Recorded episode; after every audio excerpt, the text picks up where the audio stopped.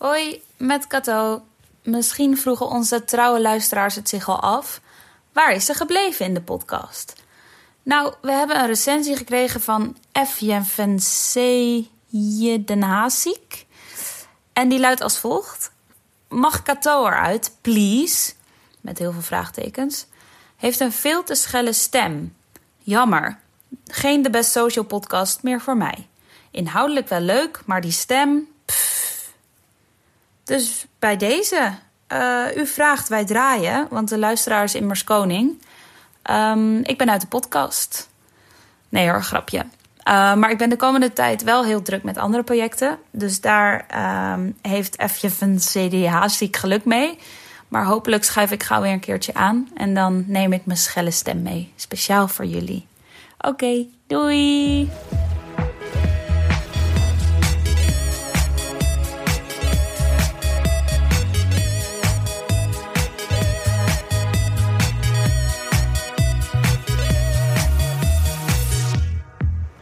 Hallo dames en heren, kijkers en luisteraars. Welkom bij de tweede aflevering van het derde seizoen van de Best Social Podcast.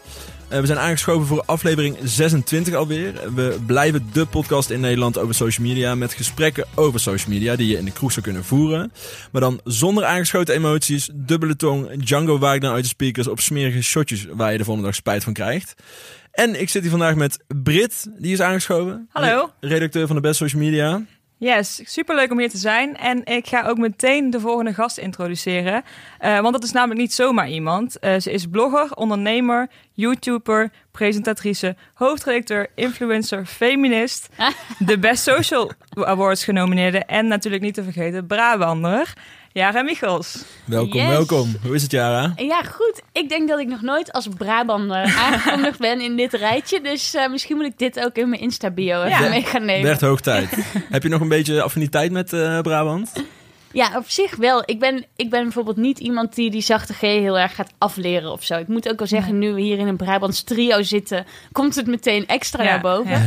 Ehm, maar ik ben wel echt vooral in Amsterdam te vinden. Ja, ik heb wel mijn leven hier opgebouwd. En Ja. eh, ik zit wel een beetje in mijn eigen bubbeltje en eigen wereldje hier. Maar ik hou wel van Brabant, ja. En op de een of andere manier zijn dat ook vaak hele gezellige mensen. Ik weet niet wat dat is. Sowieso. Kunnen jullie beamen, toch? Ja, ja.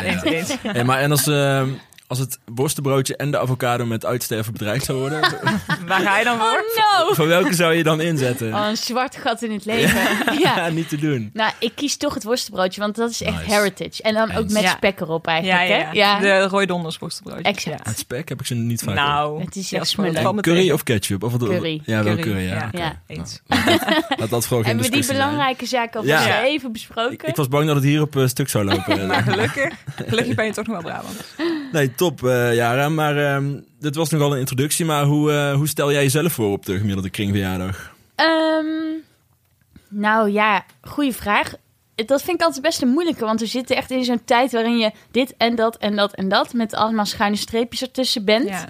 Eh, ik zeg vaak contentmaker en hoofdredacteur van Linda Meijden. Ehm, omdat dat de twee dingen zijn waar ik me het meest mee bezighoud. Oké. En in de breedste zin ben ik eigenlijk een soort verhalenverteller. En of dat nou is in een video, op Instagram, in een tijdschrift, in een podcast. Ehm, mijn missie is eigenlijk gewoon om mooie verhalen, interessante verhalen, taboes te doorbreken eh, voor jonge vrouwen. En dat is waar ik dan steeds een nieuw platform voor zoek eigenlijk. Ja.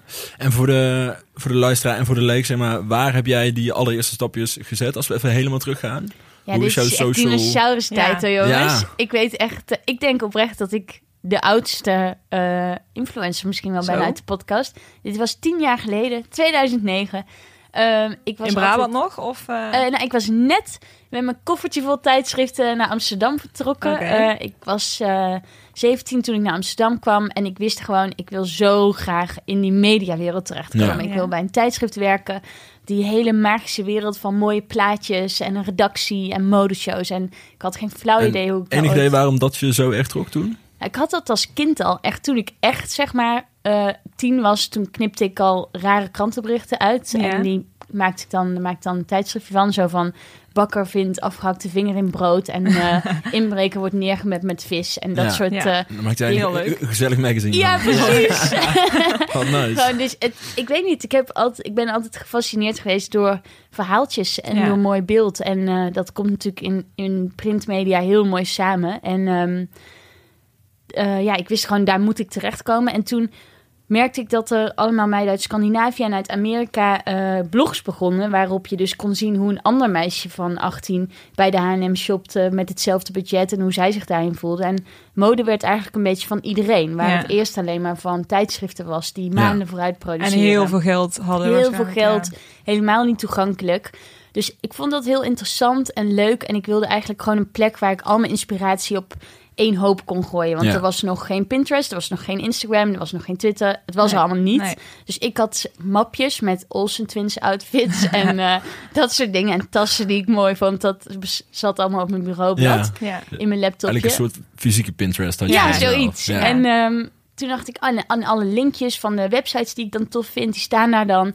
Maar er was gewoon bijna nog niks. Je had Masha van Beauty Claws, je had Ja. Andy van Style Scrapbook en nog een handjevol meiden. Maar er was bijna niks op modegebied. Dus maar, maar, maar dat waren wel al eh, personen die toen al een beetje op jouw radar zaten? Of? ja, ik Dus die volgde volgde dat al, allemaal. En ja. er waren ook wel een paar forums van bijvoorbeeld El Girl waar ik dan op zat. En dit was zeg maar de hall 1.0. Dus daar Ja. maakten meisjes plaatjes van kleren die ze hadden gekocht. Die legden ze dan op de grond. Ja. En daar gingen we dan over praten. Ja. Van, Ja. oh, wat En het was, dat ik vond het altijd heel lief. Iedereen was altijd heel Oh, aardig het was heel lief. Zat jij er ook op? Ja, ja, ja, ik zat er Dit ook zijn op. echt de Ja. good old days. Ja, Ja. dat eh, was echt heel lief. Denk je dat er nog, want ja, het bestaat niet meer, maar denk je dat er nog een plek is op internet waar mensen nog zo lief voor elkaar zijn? Heb je het Nou, dat vind ik echt een goede vraag. Ik moet eerlijk zeggen dat de community die ik om me heen heb verzameld echt wel heel positief is. ja, Veel meiden krijgen toch ook wel veel haat. En ja, dat heb ik zelf helemaal niet. Maar dat ligt denk ik ook wel aan het type content dat je post. En hoe, hoe meer bijvoorbeeld uitgesproken dat over seks of geld of je lichaam gaat, hoe meer Ja. haat je krijgt. Ja. Ehm, en dat is bij mij zijn dat niet de belangrijkste pijlers of zo. Nee. Dus ehm, Maar want waar had je eigenlijk echt voor het eerst aangeklopt? Van, eh, hoi, ik ben Jara, ik wil aan de bak in deze wereld. Ja. eh, Ehm, nou, het, het ehm, begon eigenlijk een beetje te rollen omdat ik dus zelf die blog maakte. Want Ja. eh, Ja. toen ik dat eenmaal een paar maanden aan het doen was, was, begon het een beetje te buzzen van wat zijn blogs? Wat zijn bloggers? Hoezo vinden die mensen zichzelf zo interessant? En wat moeten we daarmee? denken En ze wel toen, niet nou, hun leven precies. delen? Ja, Mensen vonden jou dus ook al wel online, zeg Ja, maar. via dat forum bijvoorbeeld. En omdat je dan, ik, had, ik organiseerde dan wat meetups van andere meisjes die ook blogs hadden. En zo konden we elkaar dan een beetje promoten en dat soort dingen. Dus dat werd wel gevonden. En ehm, ja, toen begon dat een beetje publiciteit te krijgen. En toen ben ik, op, eh, ben ik stage gaan lopen bij Grazia. Toen ik 19 was, geloof ik, als schrijver. Ja. En eh, Mhm. mijn eerste bijbaantje was ook bij een reclamebureau om teksten te redigeren en zo. Dus dat zat er wel in. En toen won ik kaartjes voor de L Style Awards. Ik stuurde een foto van mezelf in met een glitterjurk. Ja. Helemaal mijn best op gedaan. Ja. En ehm, toen mocht ik daar naartoe. En toen ben ik gewoon naar de hoofdredactrice gegaan van... oké, ik voel aan alles in mijn hele lichaam dat dit mijn plek is. Ik moet hier gewoon bij. Mag ik alsjeblieft stage komen lopen? En zei ze, ja joh, stuur een brief, komt goed. Dus toen... Wel gedurfd hoor, dat je het de- helemaal ja, dat was. Ja, we stonden op een gegeven moment naast elkaar. En zij zei, zij zei ook iets tegen mij van... Oh, wat leuk dat je online doet. Ik heb het wel gezien Ah, of zo. Dus Ze ik kende je durfde misschien wel, wel, zeg ja. maar. Heb Ja. je enig idee hoe- hoeveel eh, lezers je maandelijk, Toen maandelijks had, toen ja. had dan? Ik weet het eerlijk gezegd niet meer. Nee, ik zou nee, ja, wel als je in de wist, maar- duizendtallen natuurlijk, tienduizenden. Maar ik Op je weet negentiende. Ja, nou, ik denk dat ik toen, toen ik bij El kwam, was ik een jaar of twintig. Oké. Zoiets. En toen, ehm, En toen dus nog wel daar stage gelopen. ja, Ondanks eerst dat je stage best wel... gelopen. Ik studeerde ook nog aan de UvA, eh, communicatiewetenschap. Daar ben ik toen een half jaar mee gestopt. Dat kon toen nog. Ja. Om die stage extra te doen, want het hoorde niet bij mijn studie. Oké. Toen werd ik daar meteen aangenomen. Dus heb ik snel mijn scriptie afgemaakt. En de dag daarna zat ik lekker aan mijn bureau op de L-redactie. En toen was ik dus 21. En toen ehm, groeide dat online gebeuren. En het groeide. En Instagram kwam erbij. En Ja. elk nieuw platform probeer je natuurlijk eigen Ja. te maken als maker. En op een gegeven moment dacht ik, ja, ik doe nu twee dingen half. En nu is het wel tijd om voor mezelf te Ja. kiezen. Ja. Dus, Maar dus, eh, dus zat je daar eigenlijk op het moment dat redacties begonnen te beseffen van... oké jongens, eh, Instagram Online. is best wel een dingetje aan het worden. Misschien moeten we Ja. er iets mee. nee, dat was eigenlijk nog wel daarvoor. Daarvoor, ja, precies. Ja, Maar, want dit is echt wel... eh, Ja. Ik ben inmiddels 30, dus dat is ja, acht, negen jaar geleden. Ja. Ik moet zeggen dat ik bij veel traditionele media pas sinds een jaar of drie of zo het gevoel heb dat ze Dat is een online beetje serieus strategie nemen. Hebben Ja. over wat ze Ja. op Insta Ja, ja. zetten. En eh, Dat, het was toen ook nog helemaal niet zo professioneel. In het begin, ik bedoel, als ik nu terugkijk naar dingen van mezelf, het is zo gênant. ik snap niet dat iemand het keek behalve ikzelf en Ja. misschien mijn moeder of zo. Het was gewoon, ik maakte foto's van mezelf op een, eh, dat is, bouwde ik allemaal meubelstukken op elkaar. en Dat Ja. was dan een tripod. En Ja. dan maakte ik selfies en hakte ik daar mijn hoofd vanaf, omdat ik nog niet durfde zeggen, maar mezelf te laten zien. Ja? Alleen En je outfit. dat. Ja. En ik maakte dan Een selfie zonder je hoofd. ja. Zo, in het begin begon ik zo, ja, heel uh, luguber bijna. en ik eh, maakte dan alles in paint, mijn collages en Oh, zo, shoppings. Ja, dus heel dan mooi. lekker jurkjes uitknippen van de Zara, zo helemaal super lelijk Ja. en pixelig. En ja, dat, dat was zo onschuldig en lief, dus het was zeker nog niet zo professioneel in die tijd. Maar, Maar- toch, ja, Weet je nog wat je eerste Instagram-post was? Die hebben wij namelijk opgezocht. nee. Geen dat is echt meer? een kwartier scrollen ja, voor je. ja, ja, Ik vind het- ik vind het knap dat je gedaan, dit. Is daar Hard een, voor de eh, zaak. Een eh, sneltoets voor? Nee, Nee, nee, ik allemaal heb echt gewoon. En het Oh, wa- waren best veel foto's, ja. Ja, Het was, eh, ik zal even opzoeken wanneer het was, 29 augustus 2012. Oh, Plaatste- serieus? ja, jij plaatste zonder, Jezus. zonder caption of hashtags, plaatste Oh. jij een foto van sushi. Ah, serieus? Ja. Ik, weet, ik zie dit wel voor me. Ja, Nog letterlijk. steeds een lievelingsonderdeel in mijn Ja, leven. kijk. Zonder, niks erbij geschreven Nee, ook. niks. Gewoon alleen, dus ik dacht misschien had je nog niet. eh, We hebben met nog een keer gehad. Die zei: ik, had, ik dacht dat het een fotobewerkingsapp was. En ik wist niet dat mensen het Ja. konden Ja, zien. maar dat dachten is veel wel mensen ook wel. echt wat veel mensen dachten, Ja. ja. Nee, ik denk dat ik het op zich dat nog wel door had. Maar blijkbaar niet hoe je een eh, engaging eh, postje moest maken. Nee. Nee. Ja, toen had je natuurlijk ook niet zo heel veel En wat zat, er, wat zat daarna? Ja, volgens mij wel redelijk snel een foto van jezelf. Maar inderdaad, het Maar was toen vaak nog een spiegel-selfie. Heb ik ook veel voorbij zien Ja, komen ja. nog. Ja. En toen ging het wel over je outfits eh, al snel. Maar dat Ja. is logisch als je helemaal in de, in de blogwereld zit. Oh, die sushi. Ja, ja daar zitten echt... Ik zou zo een, een throwback moeten doen eigenlijk... van de dingen die ik ooit goed Ja. genoeg vond om te posten. En hoezo ja, dan? ik denk dat het echt letterlijk voor Maar iedereen ja, het geldt voor Ja. mij ook. Het geldt Ja, voor iedereen. Ja. Hey, maar ehm, trouwens, eh, qua redactie, want in hoeverre heb je de redactie dan zien veranderen met de opkomst van social media? Want jij zat dus bij L net voordat social een dingetje werd, of daar echt Ja. daarvoor al? Ja, er, er waren wel online redacties, vooral op websites gericht Ja. natuurlijk. En ehm, ik denk dat veel eh, traditionele journalisten ook wel een tijdje echt hebben gewacht van... is dit een hype, weet Ja. je wel? Die Ja. influencers en ook met wel wat irritatie daarnaar keken van... wie zijn deze meisjes die nog niks hebben bewezen... die 20 jaar ja. jonger zijn en die op of naast mijn plek zitten tijdens modeshows... of Ja. die mee op reis gaan. En dat duurde best wel even voordat dat echt serieus werd genomen. En Ja. ergens snap ik het ook wel. Ja. Maar ehm, Überhaupt zijn, kunnen mensen zich best stug opstellen voor als er een verandering is Toch? natuurlijk. Ja. Ja. Ja, Zo ja. die- En je had natuurlijk wel een beetje, ik weet dat eh eh Vogue wel door had, eh, bekende koppen, dus be- bekende acteurs, die Ja. verkopen nou eenmaal, dus die gaan we gewoon helemaal fashion Ja. maken. Maar nog niet echt de onbekende eigenlijk, die Ja. in één keer eh, front row zaten. klopt. Dus dat is wel, eh, dat is inderdaad wel een verandering. Ja, je ziet... ehm, ik denk eigenlijk toen ik daar eenmaal weg was... dat ze... Ik denk wel dat ze na een tijd dachten van... oh shit, dat was misschien best handig geweest. eh, en er, er zaten nog wel meer meiden die, met, die wel bereik hadden. Ook bijvoorbeeld Ja. een Nicole Huisman die daar als stylist werkte. Maar het is natuurlijk best moeilijk om iets wat je al tientallen jaren... met heel veel succes Ja. doet... eh, om te turnen. Dus Ja. ik denk dat ze nu, dat alle tijdschriften daar nu wel heel erg goed mee bezig Ja. zijn. Maar Maar voelde je dan misschien dat mensen je daar ook niet echt serieus namen? Of had je zelf nee, ook nee, niet dat door helemaal wat niet. je in Nee, ik handen was me echt te pletter aan het werken op die redactie. En dat ging hartstikke goed. dus nee, ik heb, me al, ik heb me altijd persoonlijk gewoon gewaardeerd en gerespecteerd gevoeld. En ja, geen idee of mensen achter mijn rug om iets zouden zeggen. Ja. Ik kan me goed voorstellen dat toen ik twee jaar geleden hoofdredacteur van Linda Meijden werd... dat sommige mensen dachten, wat komt die influencer doen? Maar Ja, dat is natuurlijk een plek waar eigenlijk alles waar ik al tien jaar mee bezig ben heel goed samenkomt. Want Ja, je wil precies. en midden in die doelgroep staan en printervaring hebben en commercieel zijn en online sterk zijn. Dus ja. Dat was juist best logisch. Maar hoe, maar hoe komt het sowieso, eh, eh, over dat hele influencer gehad, Ja. hoe komt het dat zoveel mensen toch een hele vieze smaak krijgen van influencers? Dat, dat merken wij ook Ja. als, wij, Ja. eh, als wij blogs doen over eh, influencers. Eh, soms is het omdat ze echt eh, een beetje doen. door de mand vallen inderdaad met Ja. iets en dan smullen mensen daar wel van. ja, ja, ja. Maar heel vaak als wij een influencer uitlichten om iets bijzonders of raars, wat dan ook, dan merken we dat mensen er echt als een gek op klikken. ja. Maar vervolgens zijn er ook heel veel zure mensen die zeggen: waarom besteed je er aandacht aan? En ja, hoe komt het dat zoveel mensen zo zuur zijn over influencers? Eh, goeie vraag. Ik denk, eh, je ziet natuurlijk heel erg die mooie highlights, zeg maar, de tip of the iceberg. Ja. En ik denk dat dat voor veel mensen gewoon een beetje wringt met hun eigen dagelijkse realiteit, waarin ze super hard aan het werk zijn. En het lijkt alsof mensen voor gewoon een foto van twee minuten duizenden euro's krijgen en Ja. alleen maar producten krijgen. En in zekere zin is dat soms ook zo. Ja. Ik bedoel, daar zit ook een kern van waarheid in. En ik denk, en als je dan ook nog niet per se iemand bent die iets heel bijzonders laat zien, qua een talent of een visie of zo, die heel inspirerend is, maar je bent gewoon knap of Ja. zo, Mhm.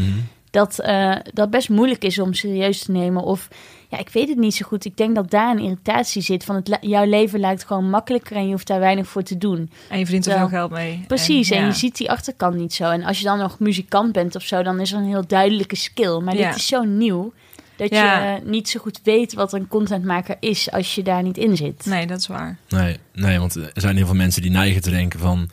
ze hebben niet eens werk. Of, Ja, eh, precies. ja, wat doen Mensen ze, ja. Mensen denken waarschijnlijk ook dat jullie met zo'n podcast gewoon voor een microfoontje zitten en dan iets online knallen. Ja. Dan ben je misschien drie uur mee Ja. bezig. Dat Ja. was het dan, weet Ja. je wel. Ja. Nou, bij ons denken ze nog wel eens dat we gewoon één eh, student zijn die na avontuur Precies, maakt. ja. Dat, Ja. eh, dat ja, krijgen we nog denken wel eens, mensen. ja. Ja. terwijl je eigenlijk gewoon net als een tv-zender of een tijdschrift of een radiozender redactiewerk doet, Ja. onderzoek, er moet geld binnenkomen, je moet steeds blijven vernieuwen zodat mensen terugkomen. Daar moet je wel bepaalde skills voor hebben, maar ja. Ja. het zijn ergens Maar ook... dat is het hem. Dat is het hem Ja. precies dat. Want mensen denken, mensen, de, de, de- echt de platte, boze mensen die bijna inderdaad boos kunnen worden over influencers, die denken dus, die hebben geen skills. Mhm. Ja. Dat is een beetje Ja. eh, het Probleem. Terwijl er wij zien ook wel, ja, je moet zo'n foto maken, er zit toch behoorlijk wat Ja. tijd in. En je moet erover nadenken. En überhaupt om elke dag te posten en elke dag mensen in- het interessant te houden voor je Precies. volgers, is best wel een Het skill. zit hem hoor. eigenlijk vooral in wat er tussen die foto's gebeurt, zeg maar. Hoe zorg je dat je een verhaal hebt waar mensen voor terugkomen? En Ja. dat is natuurlijk best knap. Dat- ja.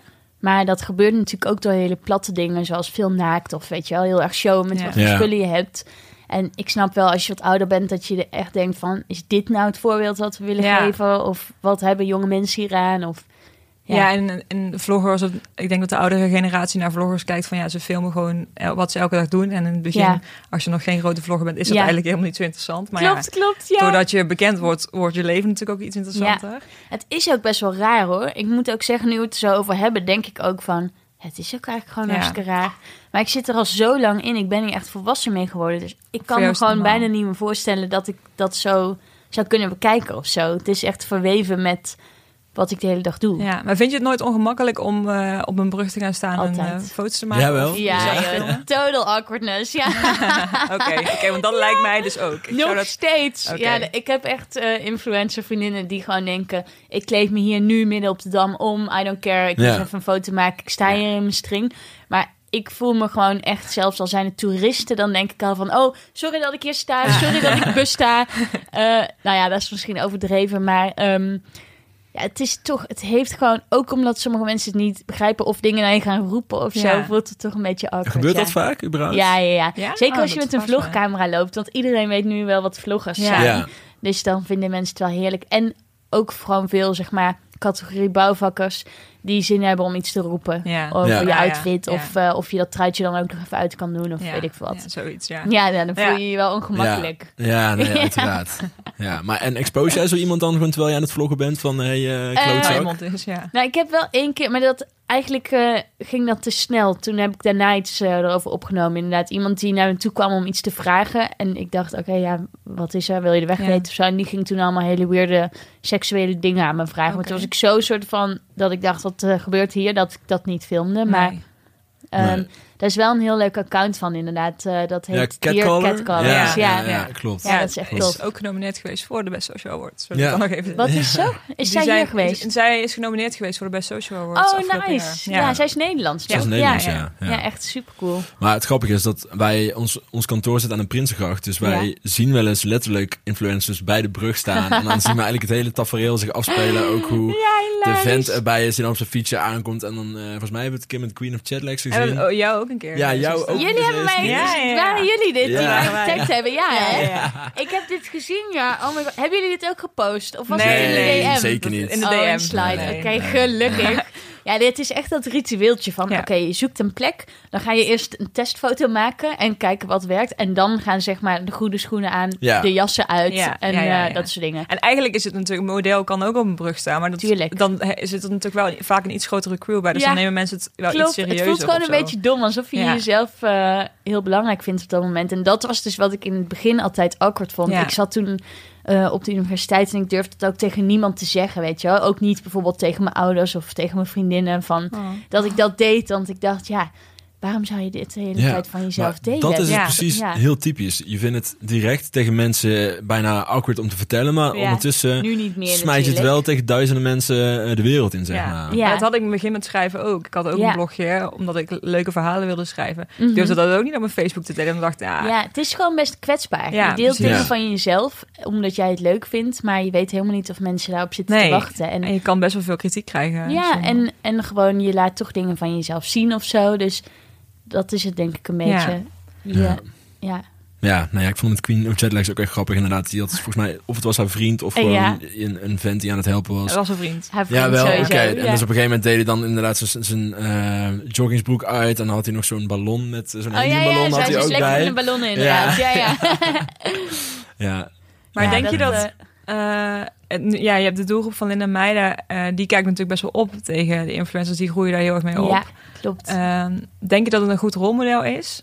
Een influencer? Nou, ik denk bijna dat je het niet eens meer zo kan zien eh, van de influencer als rolmodel. Iedereen heeft social media. Iedereen heeft ook de kans om een platform te creëren waar Ja. mensen op kijken. En ik denk dat het veel meer over gaat wie die mensen dan zijn die we een platform geven en waar we aandacht aan besteden. Maar dat mensen al dan niet influencers zijn, is eigenlijk niet meer aan de orde. Want elk meisje van 11 heeft al Instagram, weet Ja, je wel. Is Iedereen is in principe een micro-influencer. Dus ik denk dat het wel goed is om te kijken naar... ehm, ja, wie maken we met z'n allen groot door daar heel veel aandacht aan te besteden. En ook dingen zoals die filters die dan nu vorige week weer verboden zijn Ja. geworden. Waarmee je jezelf inclusief lipfillers en eh Heftige plastische chirurgie. ja, plastische chirurgie look ehm, filtert. Ja. Ik denk dat dat wel echt twisted dingen zijn waar je gewoon wel Om heel serieus over Ja. na moet Ja. denken. Want omdat je dat echt inderdaad eh, de Precies. aan En het hetzelfde met meiden die hun hele lichaam laten verbouwen la een Kylie Jenner. En dat die dan de allergrootste op Instagram zijn. Ja, en dat we daar dat allemaal over schrijven ja. wat ze ook doet. Ehm En ik dat snap er het ook, want het is natuurlijk ook ook wel juicy. influencers zijn die eh, als promo inderdaad lipfillers hebben. Ja, dus dat laten, doen, laten zien. Ja, en- ja, ja, ik krijg ook wel veel. Ik kreeg vorige week nog van een fillers ding van eh wil ik graag met je samenwerken. En denk ja, dan heb je mijn profiel echt niet Nee. goed bekeken. Nee. Wat zeg jij Dan kijk alleen naar de stuur live. niet eens terug. En wa- en Ik wat zijn überhaupt, van de tijd. en wat zijn überhaupt de bondste bezoeken die je ooit eh, hebt gekregen? Ja, dat soort dingen wel. Nepposten. dat ik denk, hè? Ik vind dat ik prima uitzie. Ja. Deze jongens zijn helemaal top. Wat eh, is het bijna een insult Wat is Ja. probleem inderdaad? Maar, ehm, en dat soort dingen. En fillers inderdaad. Maar ook voor... Ja, je hebt natuurlijk ook nog een hele niche. Dat heet dan Image Girls. Ik weet niet of jullie daar bekend mee zijn. Nee. Oh, dan is dit echt een lekker verhaal. Oké. Ehm, op Instagram heb je meiden die er gewoon leuk uitzien. Die vaak nog best jong zijn. Die veel bikiniplaatjes posten en zo. En die worden dan uitgenodigd om bijvoorbeeld bij feesten of op eh, boten, Ja. yachts van rijke oliesheiks. Over, over welke leeftijd heb je het dan? Nou, wel meerderjarig, hoop ik. Ja, dat maar, mag ik ook wel, hopen. Maar wel eh, begin twintig. Dus Ja. gewoon jonge, frisse, knappe, leuke meiden. Die worden dan ingevlogen om een week te feesten... of eigenlijk gewoon accessoires en props te zijn in het leven Holy van rijke mannen. Ja.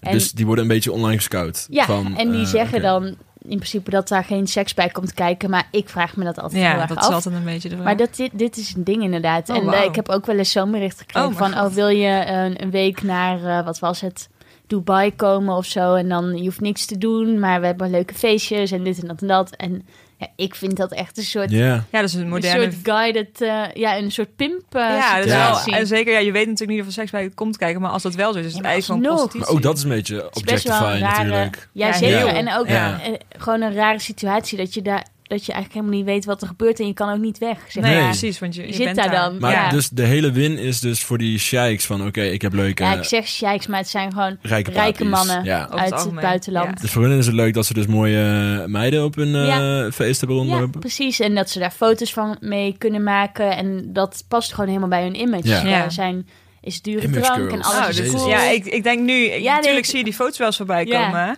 Eh, maar dan, ja, nu denk ik inderdaad, tuurlijk, die vrouwen die worden Ja. daar gewoon voor gescout. En- online. Precies. Ja. Ja. ja, op het moment dat je zeg maar inderdaad iemand ziet die eerder, die je nooit ziet werken en je Alleen hebt maar geen voor- idee hoe die ja. aan geld komt en die zit alleen maar op Ibiza, in Dubai, dat soort dingen, Dan is dan dat het. gaat er bij mij wel een belletje rinkelen. Ja, Ja, dus is dit wel is wel Ja. interessant om Dus- in de gaten te houden. En die image girls zelf vinden het interessant, want dan kunnen ze hele mooie plaatjes schieten Ja. van... eh, Ja, die hebben gewoon een soort supermodellenfeed. Die vliegen de wereld rond. En dit zijn echt meiden die jullie waarschijnlijk... zitten ook meiden tussen die jullie ook kennen. Of die de luisteraars zeker ook kennen. Maar ja, Dat ga je niet noemen. ga ik niet zo Nee, dat nee. is netjes niet.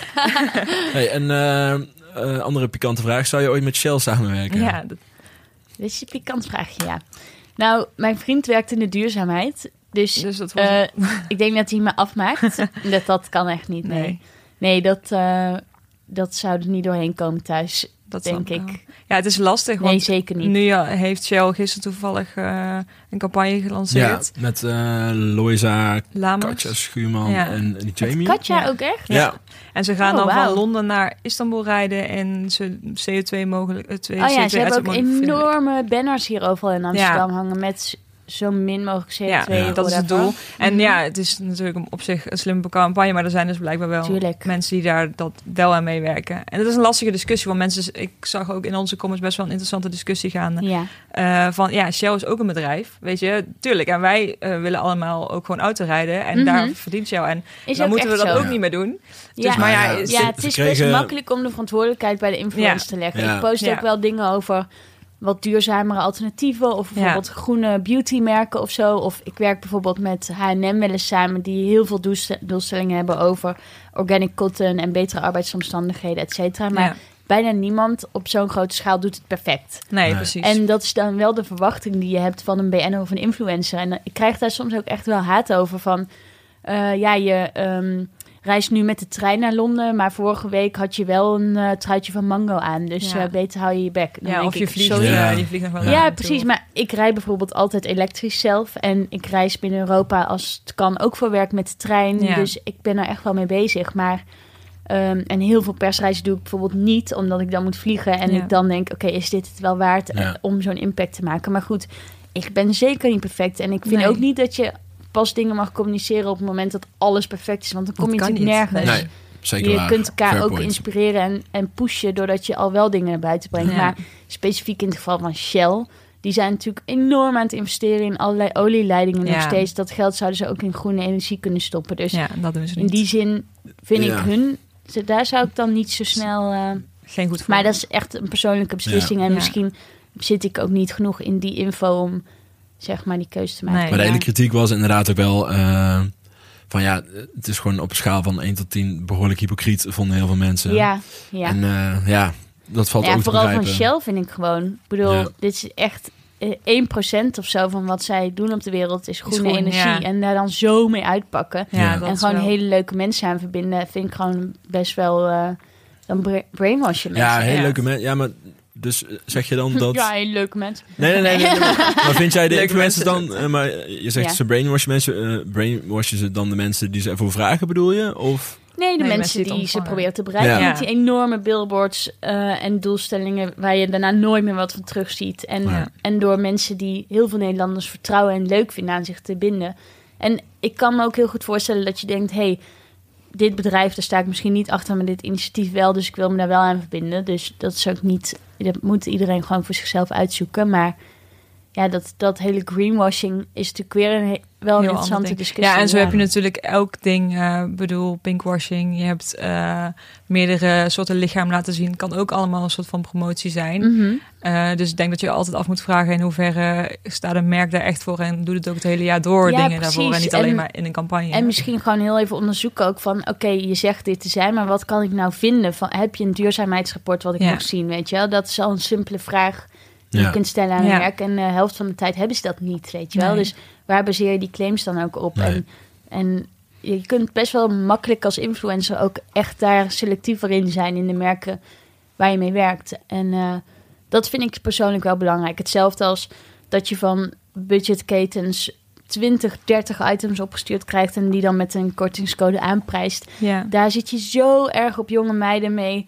te influencen dat je heel veel moet kopen om erbij Ja. te horen. Ja. En dat dat zo goedkoop mogelijk moet ja. zijn. En ik En snap dat je heel veel ook kleren moet hebben. Ja, en, en heel veel volgers vinden dat ook heel leuk om te zien. Ze houden gewoon van kleren en van mode en ze willen mooie dingen zien. En ze willen dat jij dat voor ze selecteert. En ze willen natuurlijk ook dingen met korting kunnen kopen. Dus ik snap dat ook. Maar ja, dat, dat is wel iets waarvan ik dan denk... oh ja, oké, dat doe ik niet. Nee. Nee, Want als je kijkt naar je eigen kernwaarden eh, en die van Linda Meijden, want dan ben ik ook Mhm. wel benieuwd naar, wat probeer je dan vooral uit te dragen?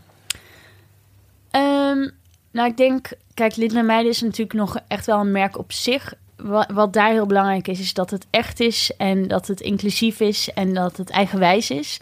Eh, Linda Want Meijden, waarom, sterker nog, waarom heeft Linda eh, jou gevraagd? Waarom wilden ze jou hebben daarvoor? Ja, moet je even aan Linda vragen. dat zou een leuke gast zijn Ja. op deze Ja, podcast. Ja, Zeker, ja. zetten Ehm, even Zij heeft geen Instagram, hè, Linda de Nee, Mol? nee. Nee, klopt. Ik vond het mooi toen eh, Jennifer Aniston laatst Instagram Oh, kreeg. Dat iedereen het geweldig. plofte. Maar ik denk dat Linda de Mol het een beetje eh, ook had teweeg zou kunnen brengen in Nederland. dat ik zou het heel vet vinden als zij opeens een... Gaat, ik denk niet dat Ja. ze het gaat doen. Ja, jij kent er... eh, Ik denk het ook niet per se, maar zij heeft het ook zo druk. En ik denk wel dat zij dingen goed wil doen. En Ja. ze heeft natuurlijk al haar Linda-kanaal, wat wat gewoon heel erg verlengstuk is. Dus ja, moet je dit er dan ook nog bij gaan doen? Zij is al publiek bezit. Ik, zou- Ja. ik snap wel dat je dan niet ook nog de lunch met je kinderen ook nog eens eh wil Nee. Nee, dat snap ik wel. Maar ik denk in ieder geval wel dat eh, qua sympathieniveau zit zij, eh, wat Jennifer Aniston Ja. is, eh, voor Ja, ver buiten ja, alleen ja, de VS, maar qua sympathie zit Linda de Mol denk ik bij iedereen in Nederland gewoon, eh, Ja. vindt haar gewoon een Ja. heel Ja, erg fijn joh. mens. Jong en Ja. oud. Ja, zij, en zij is in het echt, echt precies dezezelfde persoon. Dat is fijn. Dat is echt goed. gewoon zo'n lief, leuk mens. Dat Ja. is eh, echt what you see is what you get met haar. Is Tof. mijn ervaring. Ehm, maar we onderbraken je een beetje. Oh. Ja. Ehm, Want ik ben Ja. wel benieuwd. eh, je zei eh, Linda Meijden staat voor inclusiviteit. Zie je nou eh, verschil en met hoe jij vroeger op de redactie zat van bijvoorbeeld L en nu? Het is natuurlijk tien jaar. het is best wel een hot hele, topic. ehm, het hele gesprek over wat zo breed wordt gevoerd over. Goh, we zijn wel heel eenzijdig geweest als makers Ja. in wat voor verhalen we brengen, maar ook wat voor mensen we in beeld brengen en ook hoe we dat, ja, eigenlijk hoe we alles framen en, en hoe we toch dingen vooral perfect wilden maken. ja. Die discussie is eigenlijk de afgelopen drie, twee, drie jaar heel breed geworden. Ja. En we vinden allemaal dat we te weinig onszelf herkennen in mainstream media. En dat er te weinig plus-size meiden zijn, bijvoorbeeld. Ehm, dus ik denk wel dat, het, dat dat ook iets is waar ik zelf sinds een paar jaar veel alerter op ben. En dat, daar heeft social media natuurlijk een geweldige impact op gehad. Ja. Want opeens heeft iedereen een stem. En Ja, dat vind ik persoonlijk het mooiste aan social media Ja. ook. En dat zijpelt natuurlijk heel erg door in de printwereld, in de tv-wereld. Maar het gaat best wel langzaam inderdaad. ja. Maar, maar, want Ja. heeft zeg maar, social media in combinatie met redacties, heeft het voor meer mogelijkheden gezorgd of meer dreigingen, be- bedreigingen? Ehm, nou, je ziet wel dat de printmarkt dalende is al Ja. jaren. Ik moet zeggen dat Linda Meijden in het segment de enige titel is die stijgt. Yay! Yay. Heel trots op. Ja, dus nice. eh, dat is echt fantastisch, vind Ja. ik. En in die zin denk ik juist ook dat het echt wel een kans is geweest om iemand van online daarbij te trekken. Omdat Ja. je toch misschien net wat beter aanvoelt van wat zijn de gesprekken, wie moeten we in zo'n blad hebben, die gaat verkopen. Misschien de toon bijschaven. Ik denk dat eh, ik zie daar wel veel kansen in. Ja, ik, Ja. Ik kan me eigenlijk voorstellen dat je over een jaar of over twee jaar toe gaat naar niet eens meer print- en online redacties, maar gewoon schrijvers, beeldmakers, videomakers en dat dat, Alles door elkaar. ja, dat dat per titel allemaal door elkaar gaat. Want Ja. dat is overal nu nog heel gescheiden en dat is eigenlijk niet meer zo van nu. Nee, Nee. inderdaad. Dus dat zou wel een, een mooie, dat je gewoon één creatieve hub hebt van Ja, allerlei ja. mensen die Ja. dingen maken. En of het dan een eh, interview is voor het blad of inderdaad een podcast. Dat zou wel een soort droomscenario zijn Ja. waar we met Linda Meijden ook wel echt naartoe willen. Ja. En- ja, want ik vind het best wel interessant. eh, jullie doelgroep is natuurlijk tussen de 18 en de 25 kern, denk ik. Ja, 1828. Dat zijn Ja. natuurlijk wel allemaal meiden die best wel hun kijk op de wereld nog heel erg aan het vormen zijn. Ja, dat is dus echt het grappige dat je dat zegt. Ja, dat Ja. is echt wat ik het allerleukste aan deze hele baan vind. Deze doelgroep is heel open nog en heel sympathiek en wil nog heel veel leren en is heel enthousiast. En dat Ja. maakt het zo leuk om dingen te maken, want je kan mensen echt een beetje ja, een soort van aan de hand nemen en inspireren en een beetje tools geven over hoe ze hun leven kunnen inrichten. We willen met Linda Meijden nooit zeggen je moet het zo of zo of zo doen. We laten gewoon zien wie je allemaal kan Ja. zijn als jonge vrouw of wie je absoluut niet wil zijn of whatever. En de keuze is aan jou. Ja. En dat is echt superleuk om Ja. te doen. Maar ja. wat dat betreft heb je ook de kans om zelf meer inclusiviteit te laten zien dan die Ja. je zelf hebt gezien toen jij die Ja. leeftijd was. Ja. Ja. en, een, en een, het nou was ja, allemaal ik zit natuurlijk in zo- het hokje waar je al heel veel van ziet in Nederland. Ja. Ja. Dus dat is, is voor mij persoonlijk nooit natuurlijk een ding geweest. Maar ehm, wat, wat ik probeer wel van Linda Meijden gewoon heel stiekem een soort feministisch light magazine te, maken, maken, met ja. een feministenpagina en interviews met. Ik heb nu zelf een nieuwe rubriek waarin ik jonge vrouwen spreek die iets bijzonders doen, die niet per se in de spotlight staan, maar die wel een platform verdienen. Dus iemand die bijvoorbeeld een abortus buddies project heeft opgericht, waarbij Ja. je begeleid wordt in je weg naar de abortuskliniek. Want Ja. daar zijn nu allemaal protesten Ja. gaande. Steeds meer vanuit religieuze en rechtse hoek eh, wordt, word je daar nu letterlijk geblokt als je aankomt lopen. Dat is natuurlijk heel intimiderend. Ja. Dus dat Ja. zijn verhalen die misschien een paar jaar geleden helemaal geen plek hadden in een tijdschrift als dit. Nee. Maar ik merk gewoon dat er heel veel behoefte is aan meer echtheid en eh, ja, dat rauwe randje en eerlijke verhalen. En eh, ja, misschien ook wel wat meer diepgang. Ik geloof heel erg, we hadden heel lang het idee van die jonge meiden willen gewoon over lipglossjes horen Ja, en over precies. spijkerbroeken. Ja. Ik denk heel erg dat ze echt alles willen weten van Kylie Jenner tot Trump. En Ja. op die manier richt ik mijn eigen kanalen in en werken we ook aan Linda Meijden inderdaad. Ja. Ja. Ja, want je bespreekt in je vlogs ook wel veel eh, persoonlijke verhalen uit je eigen leven.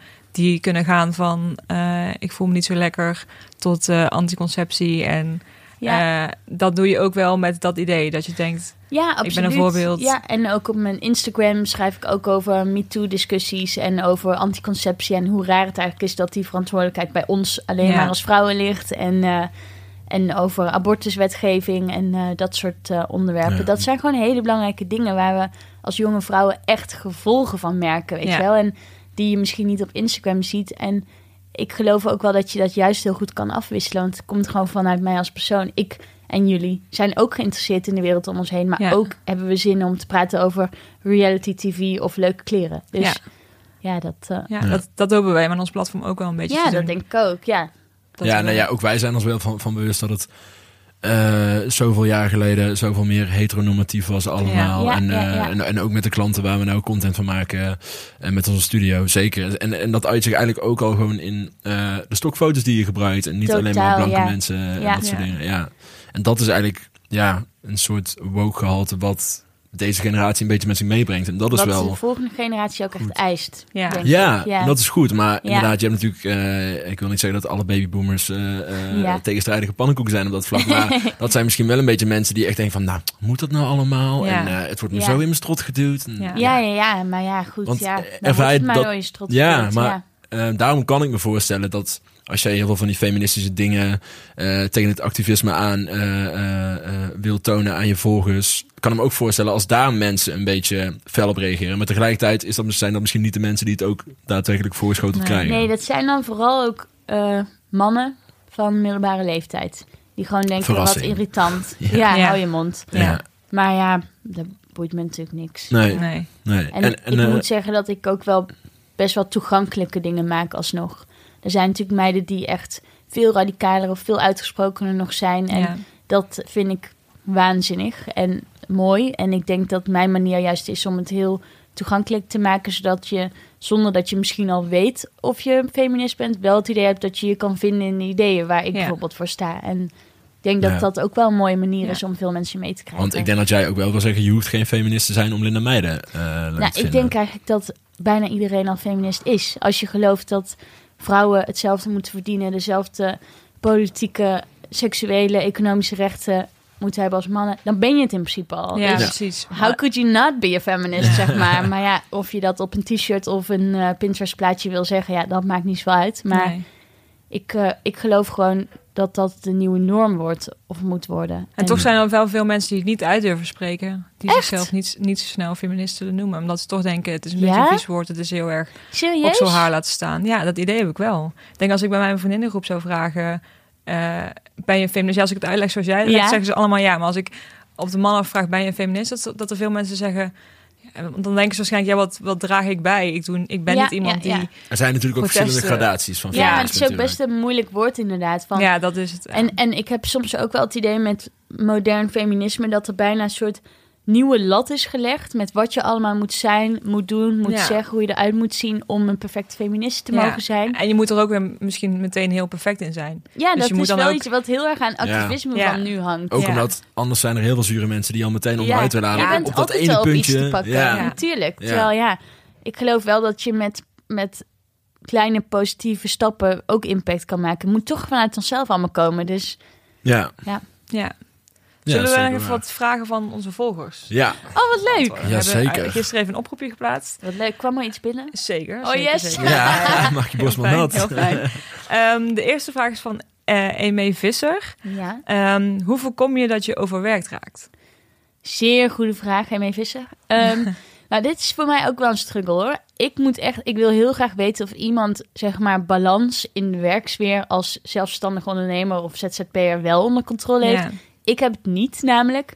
Ik heb echt, het is ook, je raakt enthousiast over dingen en Ja. je onderschat ook gewoon heel vaak hoeveel tijd iets kost of deadlines lopen uit, waardoor het één grote bende wordt. Ehm, ik vind dat best wel moeilijk. Ik heb toch vaak dat ik denk, oh, het is nog rustig, er kunnen nog wel dingen bij. En dat Ja. ik dan altijd op 120 of 130 procent zit. En ja, ik, ik vind echt het idee van een perfecte balans of zo, ik ben er nog niet tegengekomen. Nee. Dus hoe je daarvoor zorgt, is vooral nee leren zeggen. Dat is echt wel een hele belangrijke. Ik merk dat vooral, maar ja, ik ben natuurlijk een vrouw, dus misschien is dat het. Maar ik merk dat heel erg bij jonge vrouwen om me heen. Ja. Dat ze eerst al ja zeggen en dan gaan nadenken of, Ja. ze, of het eigenlijk Kan wel het wel. past. Of En hoe, weet je wel, en hoe ze dat dan gaan Ja. doen. En misschien daar ook niet per se hulp meteen ook bij vragen. En voor mezelf heb ik gewoon heel erg geleerd van... als iemand mij iets vraagt waar ik niet op voorbereid ben... dan zeg ik niet meteen ja, maar dan zeg ik gewoon... dankjewel voor je aanvraag. Ik ga even kijken of het in mijn agenda past. Ik kom er vandaag op terug. Ja. Gewoon even dat uurtje of dat minuutje... waarin je pauze voor jezelf incalculeert... om even na te denken te hoe iets daadwerkelijk in de praktijk gaat passen. Dat is heel fijn. En ehm, ik denk ook wel het idee van dat je niet de hele tijd alles hoeft te doen. Dat is voor mij ook wel een soort eye-opener. Dat ik denk, oké, ik als jonge vrouw kunnen we het dan allemaal hebben, weet je wel? Kun je een leuke relatie hebben, leuke vriendengroep, eh, er goed uitzien, met kleding bezig zijn, ook nog een sociale missie hebben, geld verdienen, reizen, een leuk Ja. huis hebben, vegan Ja, eten, Is weet dat ik niet wat. precies de vragen die we krijgen door, door wat we allemaal zien op social media? media. Denk ik ook wel. Ja. En ik denk dat we die dingen allemaal wel kunnen masteren, maar het hoeft niet allemaal tegelijkertijd. Het is prima als je een half jaar even heel erg met je carrière bezig bent en dan even je sociale leven op een laag pitje Ja. hebt. Als je daarna gewoon een tijdje bijvoorbeeld lekker met je vrienden veel kunt optrekken. En daar moet je gewoon best wel echt planning aan besteden, merk ik zelf. Ja. Want Ja. Ja, ik denk dus dat we, dat we langzaam in een tegenbeweging gaan belanden waarin iedereen weer een Nokia 3310 wil. ja, En Snake. En af en toe een keer, ja, Snake sowieso. maar gewoon af en toe zijn telefoon in de hoek gooit en een heel weekend onbereikbaar Ja, joh. is. Ja, dat zijn wel dingen waar ze het nu veel over hebben. Dat eh, ruimte en tijd de hoogste luxegoederen worden. Want dat zijn de enige dingen die schaarst worden. En die En- iedereen evenveel heeft ook. Ja.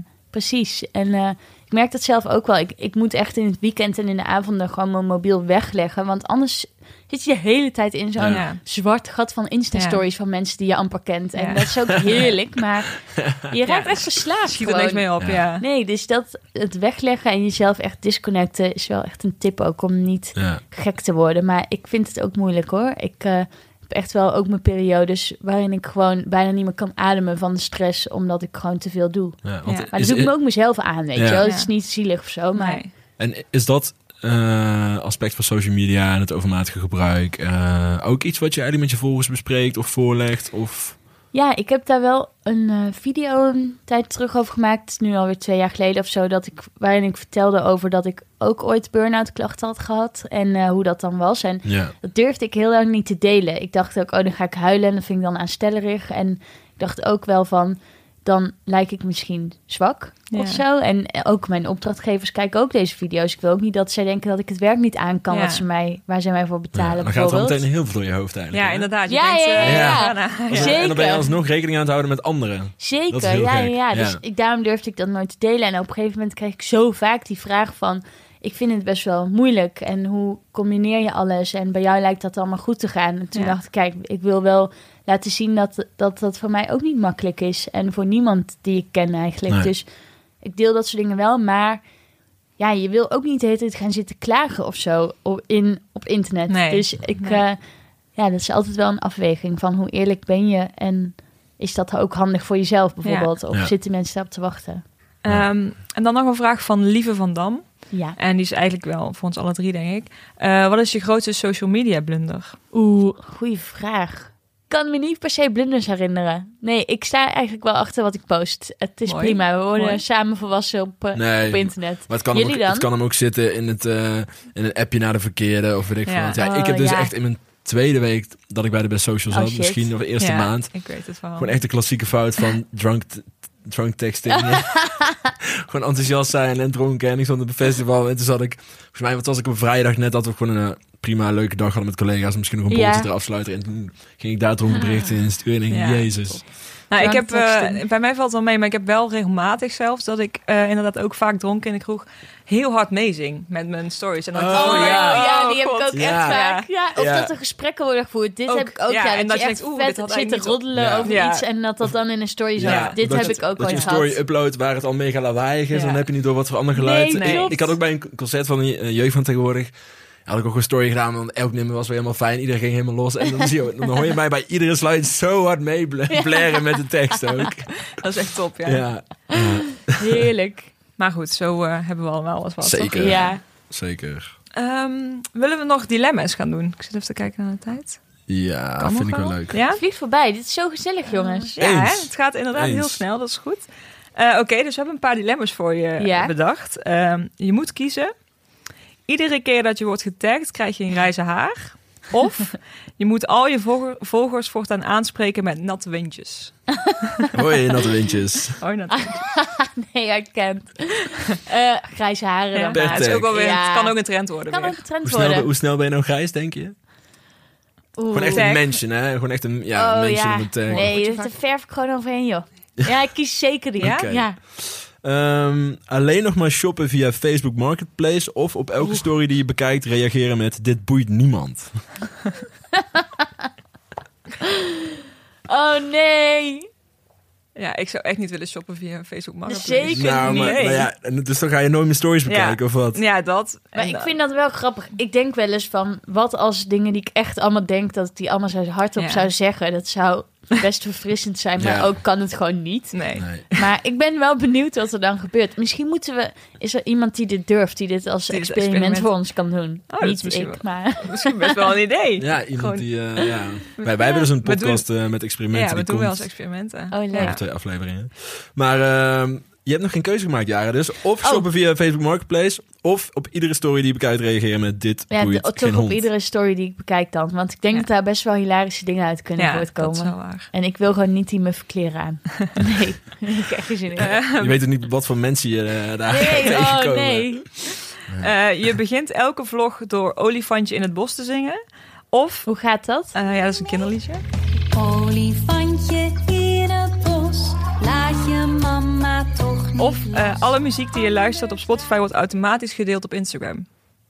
Dus ik luister namelijk nogal beschaamde dingen. Ik Oeh, luister wel eens Duitse slagermuziek als ik dat zeg. Oh, Letterlijk? Dan zeg ik het, ja. Wauw. Slagermuziek, Maar dat wil je ja. niet op Instagram hebben. Dan, dan denk je Brit te kennen en want tijdens mee Ja. samen te werken... dan mijn dropt ze God. deze bom opeens op je. Ik weet ook niet of zij er de volgende keer weer bij is. Nee. Maar in welke mood luister je Duitse Ja, ik, slagen? vind het gewoon, ik, ik vind het gewoon soms Hoe leuk. En je brengt me dan? altijd een beetje in de carnavalsfeer, wat ik altijd leuk vind. Ja? En inderdaad, met, ja, voor het uitgaan, ja, ik hou er wel van. Ja. ja, ik kies toch wel die, want ik, eh, nou, ik heb wel één playlist die ook wel gênant is en dat zijn spaargeluiden.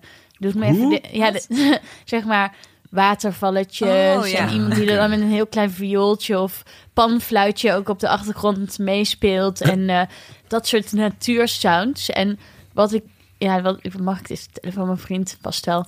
Dan ehm, ben ik zeg maar bijvoorbeeld mijn make-up eraf aan het halen en zo. En dan wil hij dat ook. En dan wil, moet ik, maak ik dus een hele spa thuis voor ons. Ah. Dan doe ik echt met warme handdoekjes en zo. En dan ga ik allemaal dingen op zijn hoofd smeren. En dan noemen we dat ook spaatje. je- en dan Ja, doen, ik dus ook die playlist aan met al die vogelgeluiden Ja. en dingen. Dan wordt ze, ik denk wel dat dit het recept is waarmee ik de relatie gewoon nog jarenlang... Ja, wel volle bloei goed. Maar dat mag echt niet op Insta inderdaad. Nee. Ik denk dat mensen zich doodschrikken. Oké, dus dan toch maar zingend vlog Nee, beginnen. ja, shit man. Het kan ook een soort van gimmick worden, toch? Dat het elke keer, oh ja, is weer een Ja, oké, doen we dat. Oké. Ehm, je mag nog maar in één outfit op Instagram verschijnen. Of je plaatst eerst automatisch 10 concertfilmpjes in je stories voordat je de story kunt opnemen. Ah, jongens. Ik heb helemaal geen zin meer om te posten als ik dit zo hoor. We komen hier niet om het jou makkelijk te maken. Nee, jullie halen echt alle lol eruit. ja, toch maar in, in dezelfde outfit dan. Dit kan nog wel een concept worden. Ja, inderdaad. En dan, en dan zie je gewoon elke keer in de achtergrond het, Precies. het creatieve zoek. Ja, ik zie dit ook wel voor eh, me. maar dan Jara variant. Precies, ik zie dit met, het zou best wel een Instagram best wel account leuk zijn. zijn. Ja, als ik dan ook op reis de hele tijd mag daarvoor. Ja, Ja, lijkt me top. Eh, de laatste. Of je moeder of je vader bewerkt altijd je foto's. Oh mijn god. Zeker niet mijn vader. Ehm, ja, mijn moeder dan dus. Ja. maar die zijn allebei niet zo. eh, hoe is dat bij jullie? Bij mij zijn ze echt niet... Social savvy. Mijn moeder die wil altijd eh, iemand taggen en dan deelt ze dus het, het, het ding. Ja. Dus nee. chill, Nou, chill. Ik mag al, dat mag ik best spoilen over twee afleveringen. Ja. Wij hebben onder andere voor een podcast-experiment heb ik mijn pa een week lang laten twitteren met mijn account. Oh, heerlijk. Ja, nou, he- ja. Nou. Wat komt er... Oh. oh, daar heb ik wel zin in. Ja. Ja, nou, Dat is echt dus heel over grappig. twee Het was afleveringen ook wel hoor je een eh, bijzonder weekje, Ja. moet ik zeggen. Zeker. Zijn je vrienden allemaal nog steeds je vrienden? Ja, ja, ja, jawel, jawel. Ja, op zich, mijn vrienden volgen me niet op Twitter. maar, ja. eh, nee, het was leuk. Ja. Ik, ik was ook blij dat het voorbij was. Snap ik wel, ja.